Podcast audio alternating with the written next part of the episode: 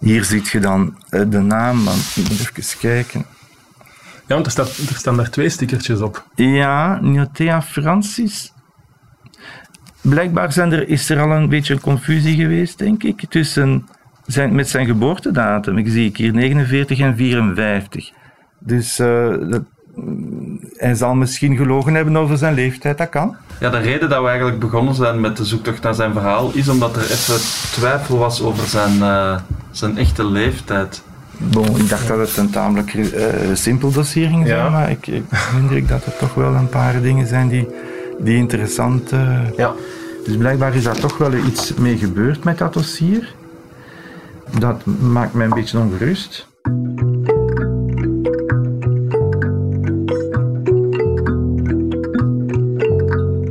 Dit is Ouder.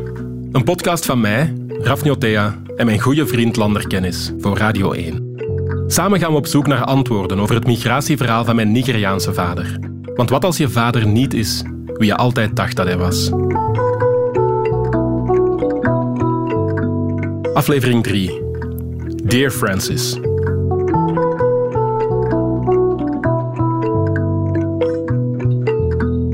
Ja, van 81. 81, dat is dan het eerste stuk. stuk.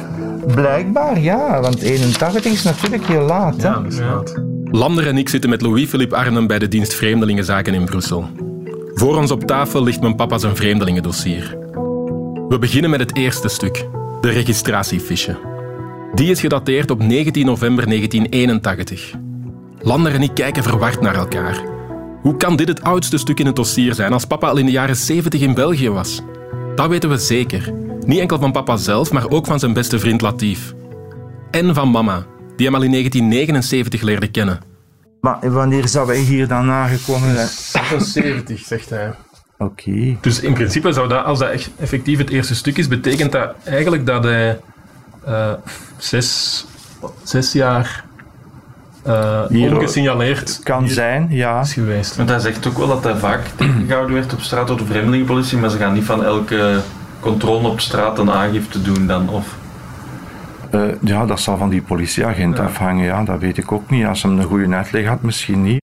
Zou papa dan toch zonder geldige papieren hier zijn aangekomen en een paar jaar illegaal in ons land hebben verbleven? Er staat op zich verder niet zoveel informatie op die fiche. Buiten mijn papa zijn naam, een registratienummer en het feit dat hij student was. De ambassade van België te Lagos heeft de eer aan de Vreemdelingendienst mede te delen dat zij een machtiging tot voorlopig verblijf inschrijving instelling heeft uitgereikt aan de heer Okolie Francis Niotea. Visa application form van de Belgische ambassade. Er hangt een foto van ons papa bij. Hoe lang plant je te blijven? 12 maanden. Physically and mentally fit.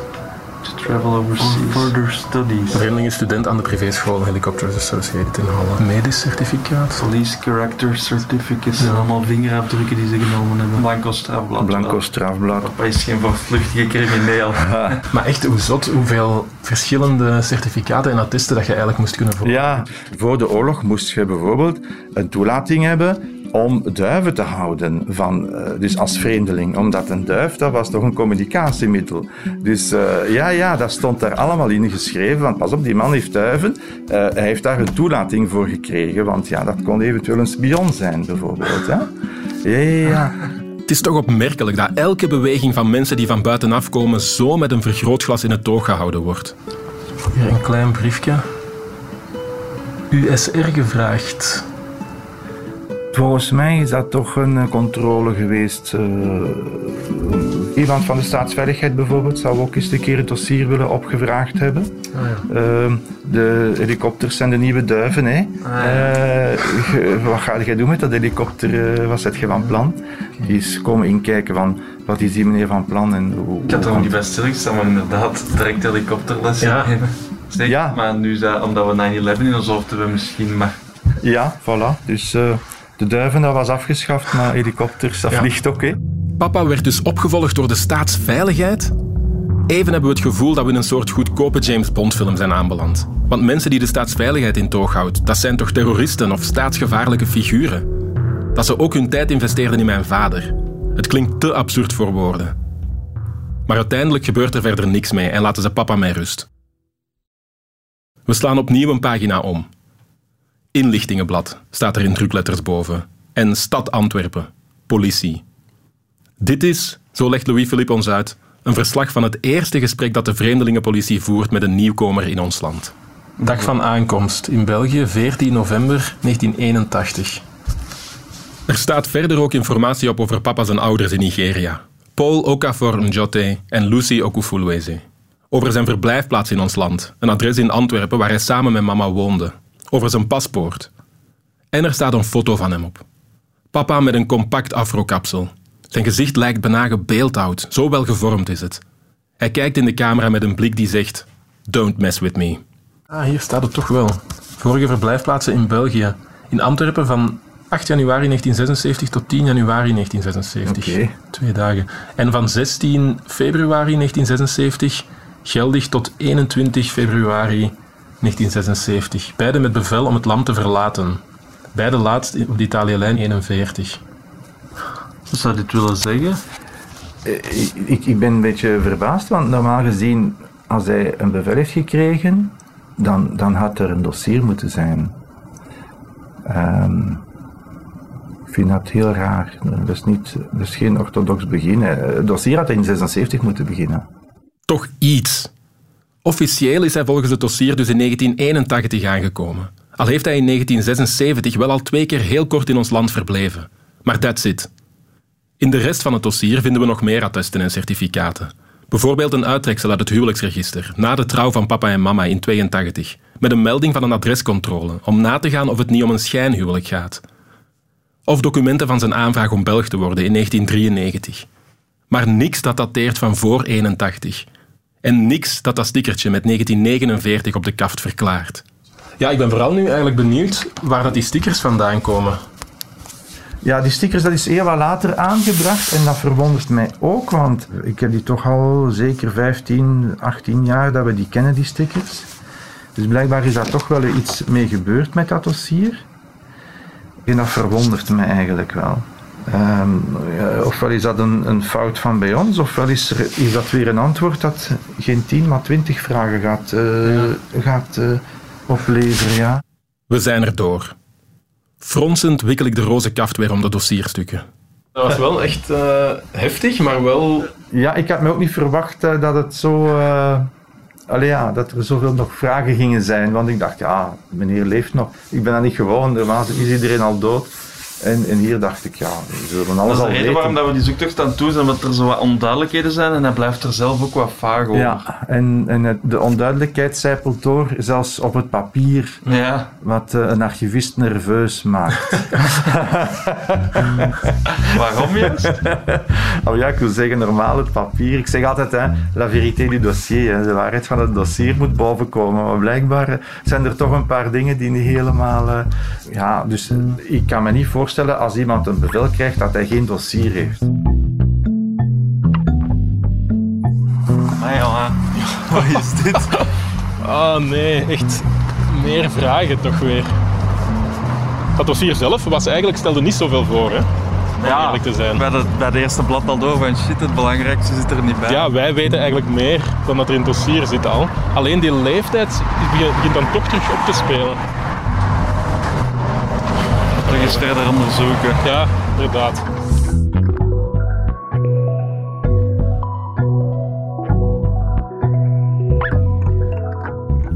Zet een, Voilà. een eh, poetsmuts op, want anders zit jij er aangebonden. Ja, Maar ben ik heb, gewend. eh, Ehm, wil je even zeggen wat we gaan doen, mama? we gaan even boven kijken voor eh, nog de oude archieven van papa. Voor eh, te kijken of dat je daar nog informatie vindt. Oké, ik ben benieuwd. En eh, hoe komt eigenlijk dat dat hier nog ligt, mama? Van, van papa? Dat is nooit niet van de zolder weggeraakt. Ah, ja. Dus dat ligt hier al 33 jaar. Is dat stokje nu? We zijn bij mijn mama thuis in Wechelderzande. Volgens haar liggen er nog dingen van papa op zolder. Oude documenten en foto's van zijn knie. Misschien wat spullen uit zijn studententijd. Brieven van vroeger dat hij meegebracht heeft van al zijn omzwervingen in de wereld. Weet ik niet waar dat die valiezen zitten. Dat zit, zit in oude valiezen, of wat? In een rood valies. En zo een stoffen of zo'n leren. Zo'n kartonachtig iets. Omdat zijn vreemdelingendossier pas begon in 1981, zijn we op zoek naar aanwijzingen over het leven van papa in de jaren 70. Dus hier moet er ergens tussen zitten. Zie je dat? Wat een massa die hier zit. Het is een heel leven verstopt. Dat is echt waar. En 101 dingen dat je wilt bijhouden, wat dat je dus nooit meer gebruikt. Ah, hier, hè. hier zitten nog wat brieven in. Het is niet veel. Ik, ik dacht dat het meer was. Dat is zijn valies. En dat zijn nog foto's van zijn knie. Wat dat erop staat. Zijn vroeger adres. Kattenstraat 13, Antwerpen. Van 1977. Hier ze. Voorschriften of zo, wat is dat? Van 77, maart 77. Hè. Orthopedie en traumatologie. Het feit dat hij geholpen werd in het ziekenhuis wil toch zeggen dat hij op zijn minst een geldige verblijfsvergunning had. Zie je dat er iets van eh, papieren tussen zit van eh, verblijf? Verblijfsdocumenten, nee, hier zit dat niet. Maar ik heb precies ooit eens documenten gezien van verschepen van vis. Maar eh, die zitten hier toch precies niet bij dan. Dat weet ik niet waar dat die zitten. Misschien is er nog een tweede valies, je weet. De valies in kwestie hebben we gevonden, maar het blijkt maar een magere oogst. Terwijl er volgens mama nog meer zou moeten zijn. Ja, maar dan gaan we met twee nog wat foto's zoeken. Is dat goed, mama? En ehm, heb je nog enig ander idee waar dat in kan zitten? Nee, echt geen idee. Er zit niks anders op dan heel de zolder binnenste buiten te keren. Succes, hè? Yo, merci. Doe maar geen quick win. Nee, ja, jammer. We gaan door doos na zak na kist om te kijken wat erin zit. We rommelen door vintage speelgoed dat ik herken van toen ik nog een kleuter was. Een eenvoudige houten knikkerbaan in rood en geel. De Viewmaster die mijn broers en ik destijds het coolste ding ooit vonden. We schuiven zakken kleren opzij. Sommige dingen hebben zowel Robin als ik als Jonathan afgedragen. Oude toestellen, schoolboeken, kerstversiering. Het lijkt zoeken naar een naald in een hooiberg. Heb jij al zeer gedaan? Deze ding valt op mij. Macroeconomic Theory. Hey, misschien zijn dat boeken van ons papa. Zijn studies, Francis. Zit daar eens, daar niet mijn studies. Studies in Monetary Economics. Dat is een uh, belezen man, joh. Blijkbaar, hè? Ja, maar dat hem dat niet aan zijn zoon heeft doorgegeven. Francis. Ja, hier staat ook allemaal ons papa zijn naam in, hè?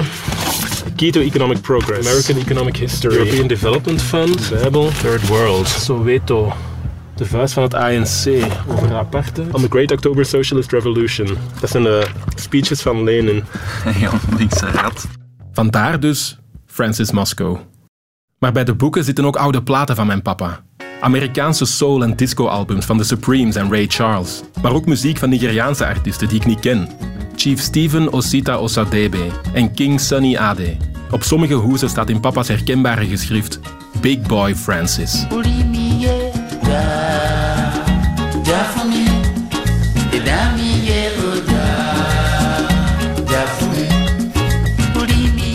Ik verschiet ervan dat papa een man van de wereld was.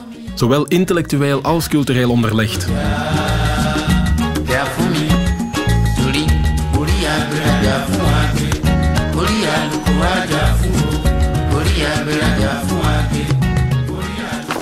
hier, hier, hier.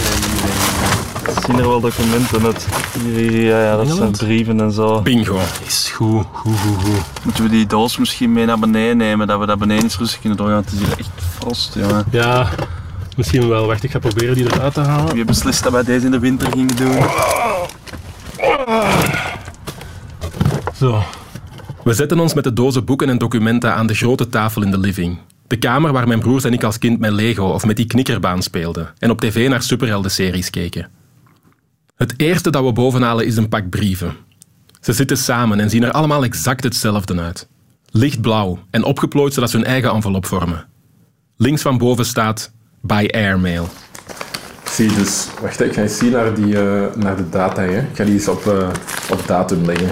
Geadresseerd aan de Kattenstraat 13. 8 maart 78. 79, 79. 6 december. 12 January 78, denk ik even. 8, 9, 10 van 79. 27 februari. 25 januari. 29 maart. Geen datum, maar toen woonde papa al in de Kattenstraat. Dus dat zal uit, van eind jaren 70 zijn. Rusland. De Sovjet-Unie. 6 oktober 1978. Oh, deze eentje uit 1974. 9 december 74 naar een postbus in het 13e arrondissement van Parijs in Frankrijk. Dus dat is waar, hè? die heeft echt uh, in Parijs gewoond. Shit. De rest is allemaal Katastraat 13 in Antwerpen. Dan toch. Het staat er zwart op wit. Mr. Francis Njotte. En dan die postbus in Parijs. Dat was dus eind 1974. Maar wat deed hij daar? Hoe is hij er terechtgekomen? Wie weet staat er iets over in de brieven. My dear brother. My dear Franco. Dear brother Francis. Dear big boy. How are things over there? Your sister recently gave birth to a baby girl, so your mother is now in Lagos to give I a hand. regret to inform you that Odene's first daughter died yesterday. Het zijn in totaal 20 brieven. Zeven daarvan zijn verstuurd door Sunday Njate, de neef waar papa het best mee overeenkwam. Uit de brieven blijkt dat de band met het thuisfront intensief was. Alle wendingen in de levens van familie en naasten worden meegedeeld. Dochters die geboren worden, neven die gaan studeren, nonkels die sterven. En er wordt verhaald over de oprukkende modernisering. In papa's afwezigheid veranderde Ogwashuku van een dorp aan de rand van het oerwoud in een middelgrote stad met verharde wegen, een elektriciteitsnet en hotels en restaurants. Maar er komt ook nog iets anders uit de brieven naar voren. Why you have not been able to reply to my last letter? I hope there is nothing really wrong. My wife Try hard in whatever you are doing because Nigeria is no more what it used to be. Only the lucky ones survive in this country. I must confess that my problem now is money. I would very much like you to help me financially. No amount is too small. Brother, please help me. I'm always boasting to my mates that I have a senior brother who is staying in Paris. Our mind is always with you, and we shall always pray for your success. Cheers. Yours sincerely, Ike. De immense druk van het thuisfront. Om het te maken daar in het Westen. Maar ook om de familie financieel te steunen. Je hebt ook zo de, het gewicht van heel die gemeenschap thuis. Die geld verwachten. denk ik. Ja, die geld verwachten, maar ook die een soort van eh, verwachting hebben van u tout court. Hè. Van, ah ja, die is uh, vertrokken naar Europa, die gaat daar echt een goed leven hebben. Of als uw plannen zoals altijd moeilijker gaan of mislukken, dan moet dat echt niet simpel geweest zijn. De druk die papa op zijn schouders heeft gevoeld moet gigantisch geweest zijn. Terwijl hij zelf nog volop bezig was om hier eerst vaste grond onder zijn voeten te krijgen. Om hier te overleven. Wat is dat? Dat is hier uit. Misschien dat dat studiedingen zijn van ons papa. Misschien dat hij een thesis of zo. Dat zou ik wel echt waanzin vinden. zo. Shit, dat is wel economische shit, hè? Gaan we die alsnog zijn diploma laten halen? Ik ga dat nu niet helemaal hè. dat gaat toch niet. Chapter 1. Nigeria's social political structure. Zijn thesis. Vel na vel volgeschreven. Met hier en daar een roestige paperclip. Beschimmeld en aangevreten in een plastic zakje van de Grand Bazaar. Ik kan mijn ogen amper geloven. Opnieuw een bewijs dat er wel degelijk ook dingen kloppen van wat papa zegt. Jongen, dat is een Dat is pagina van thesis. 240 pagina's handgeschreven. De Nobelprijs Economie moeten winnen. De ontdekking op zolder is een ongelofelijke schat waar we niet op hadden gerekend. Het is bijna een teletijdmachine die ons een blik gunt op het verleden. Hier zijn wel facturen van vis. Van een visbedrijf of zo, maar Maar geen land of... Dakar? Dat is in Senegal. Dakar, dat is in Senegal. 7 januari 1974. Waarom heet je dat hier? En dat is echt met een stempel afgetekend. Een visbedrijf in Dakar. 200.000 kilo, dat is redelijk veel ook, hè? Frozen fish comprising sardinel, large, petit capitaine. Hoeveel? 200.000 kilo. 200 ton. Hier is een ehm, iets met de Nigerian Embassy in Dakar, Senegal. Een brief. Van mijn papa in Dakar aan een zekere dokter Igo Fosse in Lagos. How are you, doctor? I hope you arrived back to Lagos safely. I was told on Monday by Mr. Ndiaye of Safcop that a ship is due back here from Abidjan on the 18th of this month and leaves here on the 20th or 21st for Lagos with your consignments. Op de 18e komt er in Dakar een schip aan uit Abidjan in Ivoorkust. Een paar dagen later zal dat schip met de gewenste lading vis naar Lagos varen. Enzovoort.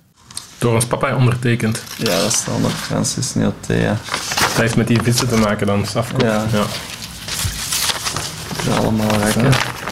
Wat deed papa in Dakar? Wat moest hij met zoveel vis? En vooral, wie is die dokter Igo Fosse? Ha, ha, ha, ha. Mannetjes. Ze zijn allemaal mee bezig geweest, Jan. Na maanden van strenge coronamaatregelen mogen we eindelijk weer bij papa op bezoek. Wel met maximum één bezoeker tegelijk. Ik had nooit gedacht dat ik er zo opgelucht over zou zijn. In de weken die volgen ga ik vaak bij hem langs. Hallo, uh, ik kom mijn vader bezoeken. Dat is Ja. uh, Francis Niotea. Hey. Ah, hier ze. Hey, dag papa. Hey, goed, goed, goed. Uh, ik kom daar. Hier ze. Heel, uh... Lang geleden, hè? Allee, voor u, voor u is het lang geleden, maar voor mij niet, hè? Ik heb u vorige week gezien. Door zijn wisselvallige toestand en de medicatie is papa soms niet wakker te krijgen. Dan zit ik gewoon een uur naast zijn bed. De ene keer kan hij naar buiten en dan weer niet. En zijn stem is af en toe luid en uitgesproken en de volgende keer weer heel zwak. Ja. You can't scratch. Goeiedag, ja. Goedendag, dokter. Dit is mijn zoon. Ja, goeiedag. Hoe is het ermee? Nog altijd zoveel? Dat is niet goed, dokter. Nog altijd zoveel last, ja. Hij heeft meer spasmen zo, hè. Ja. En minder, hij kan minder eh, iets doen met zijn handen ook. Eh, ik heb geprobeerd met een kuur van meedroog voor de gewrichten zo te kijken, maar blijkbaar... Over de oorzaak van de verlamming is nog altijd geen duidelijkheid. In de tussentijd proberen ze de symptomen te bestrijden met medicatie en fysiotherapie. Maar papa's toestand blijft verslechteren. Zijn fijne motoriek is helemaal weg. Hij kan zijn telefoon niet meer gebruiken, waardoor hij amper nog contact heeft met ons en met zijn familie in Nigeria, die hij normaal meermaals per week belt. Sometimes I feel I was dying. I started praying. I said, God, God, please, don't take me into it. Let me see those ones that I love most in my life. My ex-wife, Jose, Robin, Rafael, Jonathan, and then uh, Latif is my best friend. Hij ziet heel weinig mensen en moet zich zo eenzaam voelen. Ik merk dat hij doorheen de gesprekken regelmatig praat over wanneer hij er niet meer zal zijn. Het geeft mijn tijd bij hem iets urgents. Het is nu of nooit, besef ik steeds meer. Helaas mag ik telkens maar een uur blijven. I'm afraid uh, my time is already up, hè? It's uh, half past three. Okay, yeah, it's good. It's a pity. Yeah, it's too short, hè? Too short. But I come back tomorrow, hè? Voor het eerst in mijn leven ga ik naar hem omdat hij mijn vader is. Niet uit een of andere vorm van gewetensvroeging, maar gewoon omdat ik hem wil zien.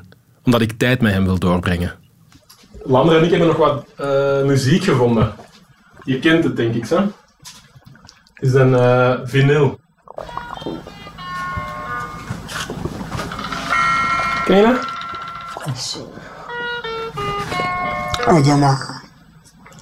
Ewa. Mm-mm. Oh, Goed buiten, hè? on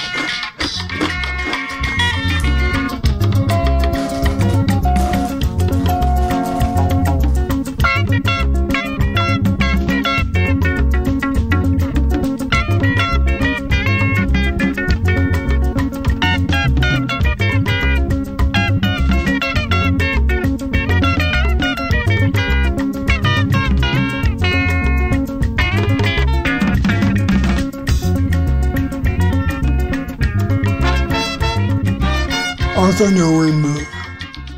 Dat is de naam. Op Sunday. On Sunday. Wat betekent dat? It means life is good for some people, life is bad for others. Ah, Dat het leven goed is voor sommigen en slecht voor anderen. Huh. Ik kijk naar papa en maak in mijn hoofd even de inschatting. Hoe zou hij zijn leven beoordelen?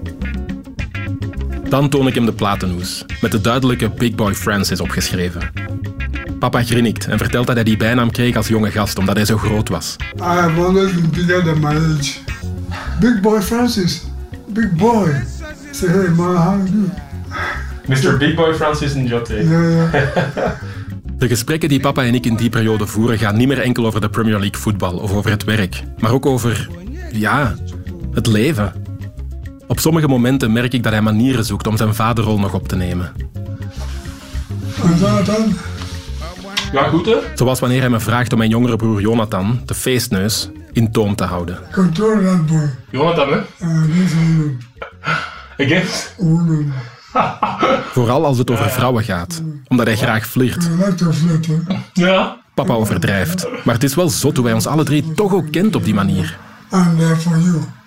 For your En zo begint hij ook over mijn liefdesleven. sex orientation. Het is de eerste keer in tien jaar tijd dat hij iets zegt over mijn geaardheid. Hij raadt me aan om er niet mee te koop te lopen, om het niet openlijk te tonen. Maar ja, hier in België is oké, hè. In Nigeria is het moeilijk, hè. Nadat ik hem een tiental jaar geleden vertelde dat ik gay ben, is het er nooit meer over gegaan. Ook niet toen hij wist dat ik een relatie had. Terwijl hij mijn broers wel altijd vroeg hoe het met hun partner was. Maar nu vindt hij de woorden dus wel. En ook al heeft hij er een andere visie op dan ik zelf, het toont me dat hij er wel mee bezig is. En dat had ik niet verwacht.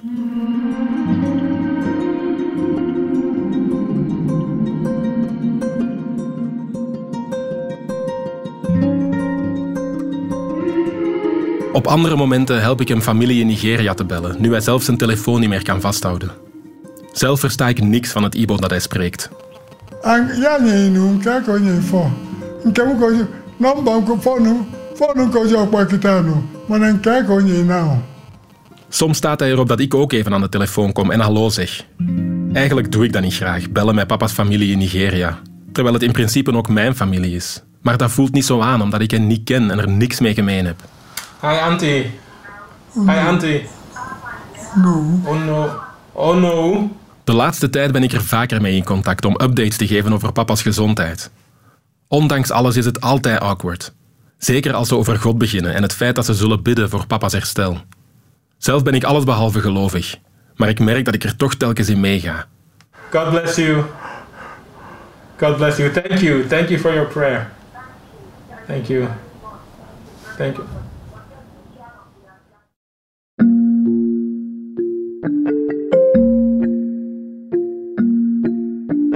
Ik heb trouwens hè, wat brieven gevonden. Brieven, oude brieven. Herken je dat? Ik toon hem de brief uit 1974 die aan een postbus in Parijs gericht is. It's a letter from 1974. But you weren't living in Antwerpen then, huh? Because it's uh, in Paris. Yeah, It's written to Paris. yeah, yeah, I went to Paris first. It's from Paris I came to Belgium. Ah ja, ja. So you, you arrived in Paris. Yes, I live in Paris. Ah. En plots is daar in zijn verhaal dus toch Parijs. Hij vertelt het alsof het een fait divers is. Meer nog, zegt hij. Zijn vlucht ging zelfs niet rechtstreeks van Lagos naar Parijs, maar hield ook nog een tussenstop in, jawel, Dakar. From Lagos, Dakar to Paris. Wow, okay. And and so you arrived on a plane from Lagos to Dakar and then Dakar to Paris. To Paris. Okay. Dakar. Dat kwamen we natuurlijk al eerder tegen op die visfacturen en in de brief aan die dokter Igo Fosse. Was het echt niet meer dan gewoon een tussenstop op een vliegroute? We hebben ehm, documenten gevonden van een fish shipment uit Dakar of zo. Yeah, yeah. I took job now while in Belgium. Toen hij in België was, zocht hij werk als hulpje in de scheepvaart, om zo alsnog in Amerika te geraken. If I can walk my way to America without paying, so Maar de ironie van het lot wilde dat hij een job kreeg in de andere richting, richting thuis. Op een schip dat van België via Dakar naar Lagos vaarde. say Francis, the ship is leaving for Africa. They went to Dakar, Senegal. Now from Dakar to Lagos. Nee. Yes. So you went back to Lagos? I went back to Lagos, but I don't Nu dit verhaal weer. Dat hij dus letterlijk, nadat hij in België belandde, meteen weer helemaal terug naar Lagos vaarde, om zich daar uiteindelijk te moeten verstoppen, zodat hij niet gezien zou worden. Zijn omgeving moest immers geloven dat hij hier al aan zijn studie begonnen was. I don't want people to see me. Or people think that I'm already, I'm already in Europe. So you, you were in Europe en dan van Europa heb je een schip naar Dakar Dakar, gepakt en dan even terug naar Lagos? Lagos. Het lijkt allemaal wel heel ver gezocht. En wat dan met die dokter Igo Fosse? Dr. Rose, I helped save his life. They were plotting to kill him. Huh? Zijn leven gered? Papa begint een verhaal te vertellen. Over een zogezegd moordcomplot tegen die vishandelaar, dokter Igo Fosse.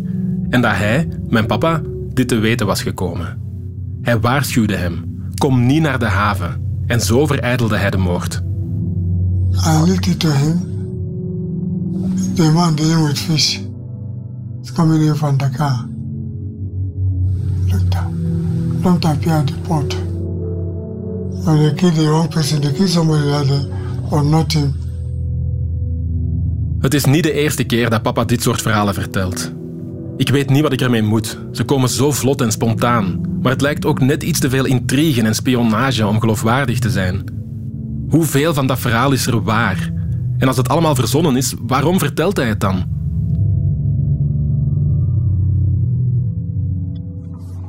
Lander en ik zijn net voorbij het MAS aan het wandelen. We zijn bijna bij het Felix-archief in Antwerpen. Dat is het stadsarchief van de stad Antwerpen. De archivaris van de dienst Vreemdelingenzaken liet ons weten dat er ook een Antwerps vreemdelingendossier bestaat. En omdat we amper aanknopingspunten hebben over de periode van voor 1976, grijpen we deze kans met beide handen aan. Met wie hebben we afgesproken? We hebben afgesproken met Werner Potier. Potier of Potier, want... Zullen ze iets vragen? Allee, je hebt dat niet opgezocht. Regel helemaal daar iets. Je begint altijd met de mensen een naam juist te zeggen. We wandelen door de middengang van het majestueuze pakhuis. Werner Potier, zo zal in de loop van het gesprek blijken, komt ons ophalen en neemt ons mee doorheen het Antwerpse stadsarchief. Onderweg naar de plek waar papa's dossier ligt, vertelt hij honderd uit. We zijn een van de meest uh, volledige stadsarchieven van, uh, van West-Europa. Het verhaal van jouw vader past daar perfect in. Dat is een van de meest continue reeksen die we hebben, namelijk de dossiers die gaan over nieuwkomers in deze stad. En vanaf wanneer beginnen die dossiers van nieuwkomers? Um, wel, de eerste die dateren uit de 14e eeuw. Dat zijn niet echt dossiers, maar dan spreken we over de poortersboeken. Op die manier hebben we toch een vrij goede kijk van de migratie die er hier op deze stad afkomt. Werner neemt ons mee naar een robuuste, brandveilige bunker in het gebouw waar de dossiers bewaard worden. Ook hier zit papa's dossier in een kaftje gewikkeld, al plakken er op dit kaftje geen stickers. Er staat enkel een dossiernummer op. 481 395 154.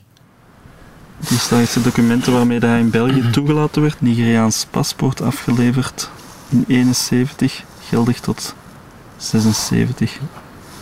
Een visumnummer afgeleverd te Parijs door de Belgische ambassadeur, geldig voor Benelux voor een maand. Papa had dus wel degelijk geldige papieren toen hij in ons land aankwam. Op het blad staat ook dat hij geen status van vluchteling heeft aangevraagd. Zie, zie, zie. Laatste verblijfplaats in het buitenland, Parijs. 14 arrondissement, Rue des Cabini. Dag van aankomst, 5 januari 76. Ja, oké. Oké, dat is al... Uh... Nee. Klopt geboortedatum? Ja, dat is de vraag. Uh, hey, ja, ah, dat is een wow. andere geboortedatum. Ja, dat is een andere. huh? Dat is ja. misschien de verklaring waarom dat er op dat dossier in Brussel twee, twee, stonden. Ja. stonden. Die 1949, die zo onverklaarbaar opdook op het stickertje van het dossier in Brussel, komt dus van het eerste paspoort waarmee papa hier aankwam. Een paspoort dat hij in 1971 kreeg in Lagos. Op zijn volgende paspoort, dat hij vijf jaar later kreeg, stond er plots 1954 als geboortedatum. Ergens tussen 1971 en 1976 is er dus gechipoteerd met zijn geboortedatum. Maar waar of waarom, dat weten we niet.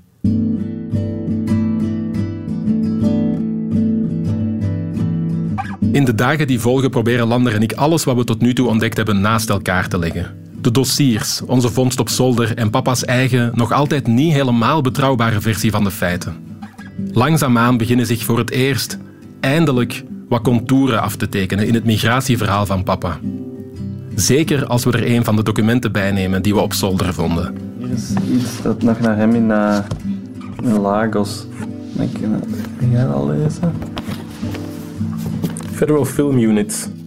Hi, honey. I'm writing from London. How are you? Doing fine with your job? How far?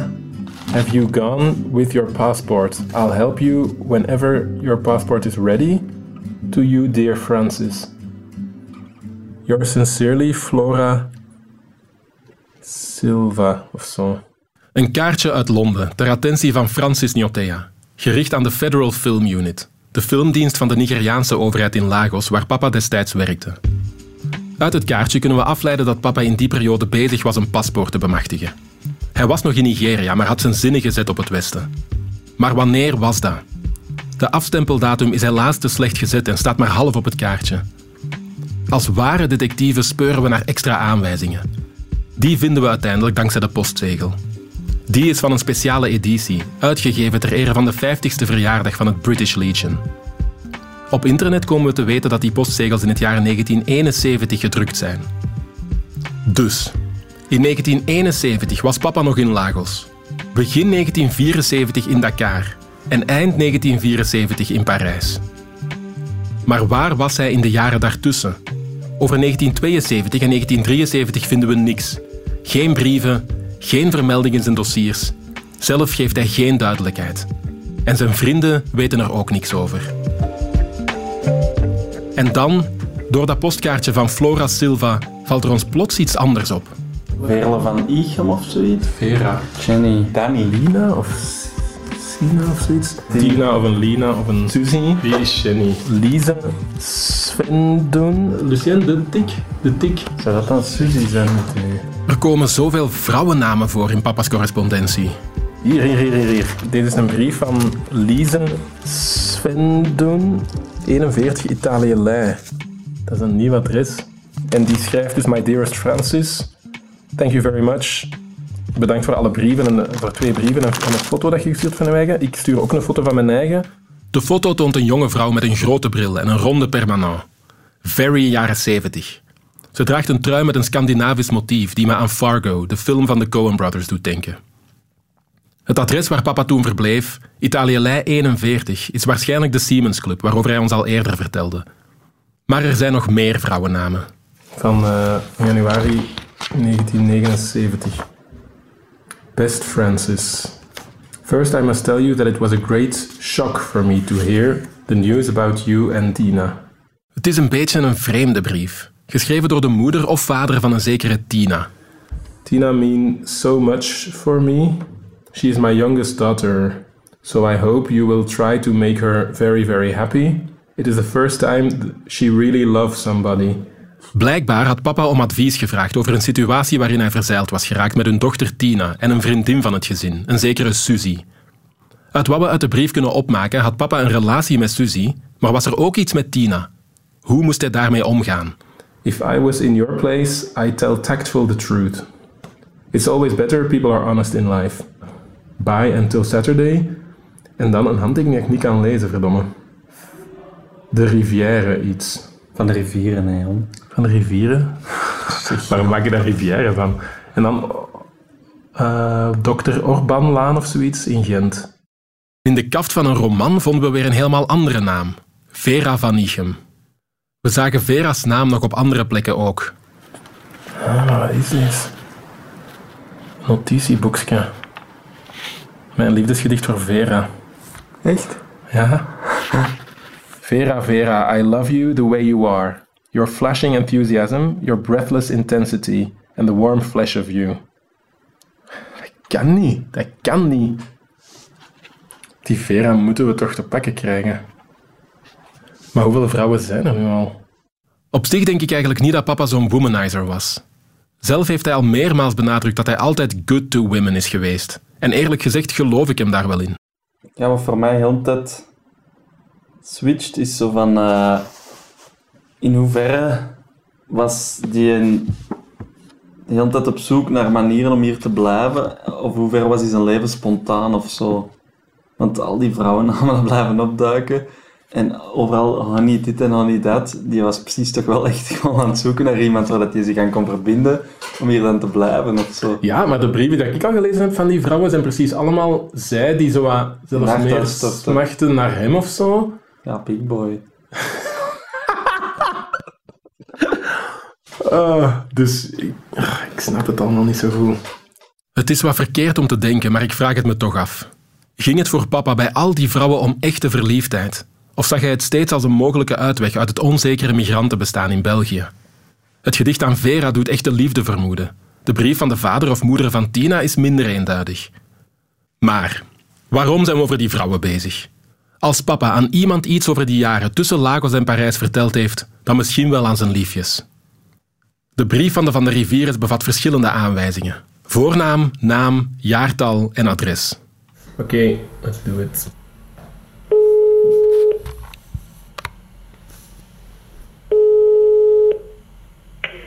Hallo, Louis Jasmin. Hallo met Ines. Hallo. Hallo. Hallo. Goedemiddag. Ja, ik ben op zoek naar uh, Johan van de Rivieren. Spreek ik met uh, Vivian van de Rivieren? Goedemiddag, ben ik bij Van de Rivieren? Wat is Van de Rivière? Ah ja, bij u is het Van de Rivière. Uh, wij zijn de naam is aan woord geschreven. Ah ja. Van de Rivieren. Voor mij is het Van de Rivieren en drie woorden met een kleine D. Ja, ik ben een beetje op zoek naar iemand in het Gentse. Dat zijn zeker wij niet.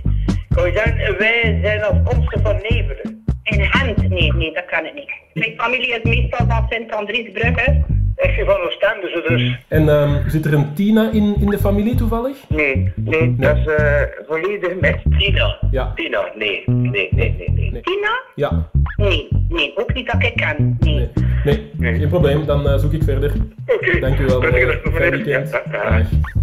Godverdomme, nee. Dat kan toch niet dat wij niks gaan vinden? Kom aan, gewoon wachten, ik voel het.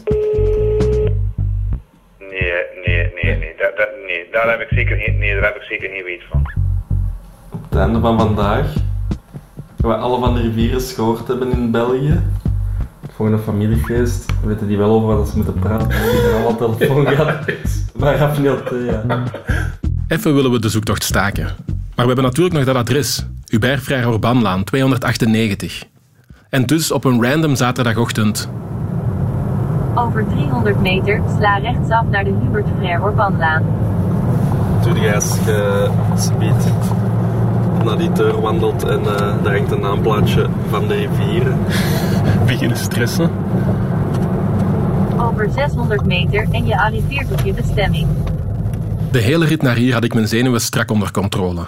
Maar nu, nu we uitgestapt zijn en voor het grote appartementsgebouw staan, voel ik de opwinding. De appartementen in het gebouw hebben allemaal aparte huisnummers. We bellen aan bij 298. Maar er komt geen antwoord. Ah. Dan maar bij een van de buren proberen. hallo? Hallo, goedemorgen. Sorry voor het storen hoor. Um, ik vertel hen over de brief van een familie die op dit adres woonde. Het nummer 298. Het is 299. We hebben daar net ook al gebeld hoor, bij 298, maar daar, daar uh, doet niemand open. Dus ik vroeg me af of u misschien iets meer informatie hebt over die mensen, of die hier al lang wonen. Ja, ik, ik, ik, ik, ik ken eigenlijk met de buren niet zo. Nee. En weet u ook wanneer dit, dit gebouw gezet is? Is dat al voor de jaren 70 gebouwd of is dat recenter? 91, 92 of 93. Oké, okay, ja, dus het gebouw dat hier in de jaren 70 stond, dat is sowieso gesloopt en er is iets nieuw gezet. Ja, dat vermoed ik wel, ja. Hm. Oké. Okay. Oké. Okay. Uh, perfect, merci voor de informatie en fijne dag nog. Hè. Terwijl we op straat wat staan te overleggen, komt er een oudere man buiten gewandeld. Hij verhuisde hierheen toen het gebouw gezet werd in de jaren 90. Over hoe het hier vroeger was, kan hij dus helaas niks vertellen. Maar hij weet wel dat sommige buren van de oudere huizen die tussen de nieuwe appartementsblokken overeind gebleven zijn, zeker al van in de jaren 70 hier zijn. Op goed geluk gaan we aanbellen. En bij het tweede huis doet er iemand open. Hallo. Ja? Dag meneer. Um, ik heb een beetje een rare vraag. Ik ben uh, voor een radiodocumentaire. Een oudere man die iets gemoedelijks uitstraalt. Iemand die hier op dit stukje straat woonde. Nummer 298. Sinds wanneer woont u uh, hier in welk jaartal? 1948. Dat was bij mijn geboorte, hè? Ja. Dus uh, ja. Ja, ja. ja. Um, ja, de mensen die, wij, die we zoeken, de brieven zijn verstuurd in 1979. En dat was de naam van de rivieren. Zegt in die periode ben ik 20 jaar in het buitenland geweest. De dochter zou Tina geheten hebben. Nee. nee. Maar ja, maar al de huisnummers zijn twee keer veranderd, hè? Ah. Daar moet ik ook rekening mee houden, hè? Ik heb drie verschillende huisnummers hier gekend: 57, 231, 239. Jesus, dat ook nog. Wat een kluwe. Maar zijt je al gaan kijken naar de dingen, naar de, naar de stad Gent, naar dat Nee. nee. Die hadden dan waarschijnlijk toch bewonerslijsten. Wie ja. dat er hier woonde. Ah ja, dat moeten we eens doen dan, hè. Terug thuis sturen we een mail naar het stadsarchief van Gent. Een paar dagen later krijg ik telefoon van een 09-nummer. Hallo, met Raf. Uh, goedemorgen, u spreekt met Sofie Welvaart van Dienst Burgerzaken Uitreksel Gent. U hebt ons een mailtje gestuurd in verband met een zekere Tina, dat klopt? Ja, dat klopt. Ja, ehm, wij hebben de informatie opgezocht en Mhm. eh, wij hebben die mevrouw dan ook effectief teruggevonden. Ehm, ik moet wel zeggen, wij mogen dat zomaar niet doorgeven, dat adres van die persoon. Dus ik raad u eigenlijk aan om een mail of een brief op te maken, die naar ons te richten. En eh, wij kunnen dan eh, die brief of mail dan doorsturen naar de persoon in kwestie. Oké, ehm ça va. En, en aan wie mogen we de brief richten? Is het gewoon geachte mevrouw of is het Tina? Of mag je Ehm, de naam niet zeggen? Nee, dat, gaan we, dat mogen we ook zelf Nee, niet zeggen. nee. Oké, en, en jullie zijn zeker dat het de persoon is met, aan de hand van alle Zeer gegevens, zeker. adres en zo? Ja, ja oké. Nee, nee, zeer zeker. Fuck. Eén stap zijn we verwijderd van iemand die een intieme band had met papa in een voor ons cruciale periode in zijn leven. Eén brief scheidt ons nog van een bevoorrechte getuige. Oeh, eh, beste Tina, liefste Tina, geachte Tina. Ik, zou, ik doe meestal geachte mevrouw van de Rivieren, beste Tina. Ik begint meestal zo met... Ik heb een beetje een rare vraag misschien. Ja, aan de telefoon, hè. Maar eh, is dat, kunnen we dat doen in, eh, in een brief? Dat kan, hè. Dat is die letters van die zin. Die landen raad ik. Waarom? Zou jij veel weggeven in die brief? Niks. Je weet niet wat daar gebeurd is, hè. Voor hetzelfde geld is dat toch raar gelopen, hè. Want op Ja. zich is dat een beetje een bizarre brief, hè. Ja, heel raar. Beste Tina, ik schrijf u deze brief met misschien wel een beetje een raar. Door het feit dat zijn leven de laatste jaren al verschillende keren aan een zijde draadje Antwoorden hoop ik te vinden door gesprekken te voeren, maar dus ook aan de hand van de brieven die ik opzoek. In een van de brieven is er sprake van een zekere Tina. Uit de brief kan ik opmaken dat Tina mijn vader goed kent. Het zou me enorm plezieren om eens met u te praten. Heel warme groeten, Rafniotea. Daar kun je niet nee op zeggen, wel. Nee. Hopelijk weet hij echt nog dingen over uw papa. Mhm. En heeft hij positieve herinneringen aan hem, hè? Dat, zou, dat zou het nog mooier maken. Oké, fingers crossed, hè. Ja, inderdaad. Sturen? Zeker.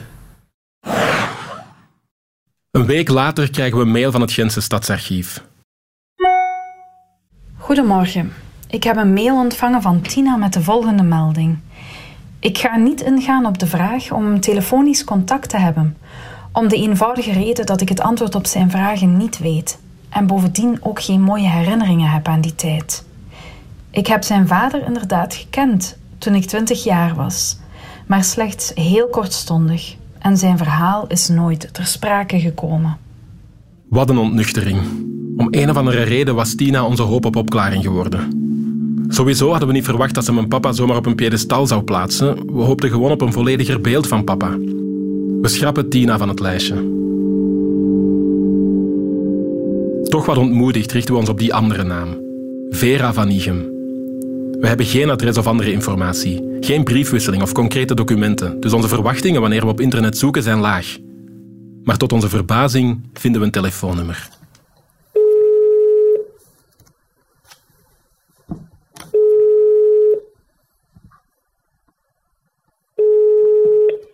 Vera? Hallo, uh, Hallo. goedemiddag. U spreekt met uh, Rafni. Uh, spreek ik met Vera van Igem? Ja, ja. Hallo. Ehm, ik bel u met een beetje een rare vraag misschien. Ehm, ik eh, ben een ehm, radiodocumentaire aan het maken over het eh, Ja. leven van mijn vader. En eh, hij zou u vroeger gekend hebben. En wie was uw vader? Francis Niotea is zijn naam. Nee. Nee, hij, ehm, ik ben met hem aan het praten en ik ben ook een beetje door zijn, ehm, door zijn eh, materiaal aan het gaan. En Ja. ehm, daarin stond dus inderdaad de naam Vera van Nigem. Ehm, en ik heb hem daar dan eens iets over gevraagd. En toen, hij herinnerde zich dat hij u had, zou hebben leren kennen in Antwerpen. eh, in het midden van de jaren 70, ehm, toen hij vanuit Nigeria naar hier is gekomen. Zeg nog eens de naam van uw vader. Francis Niotea. Ja, ja, ja.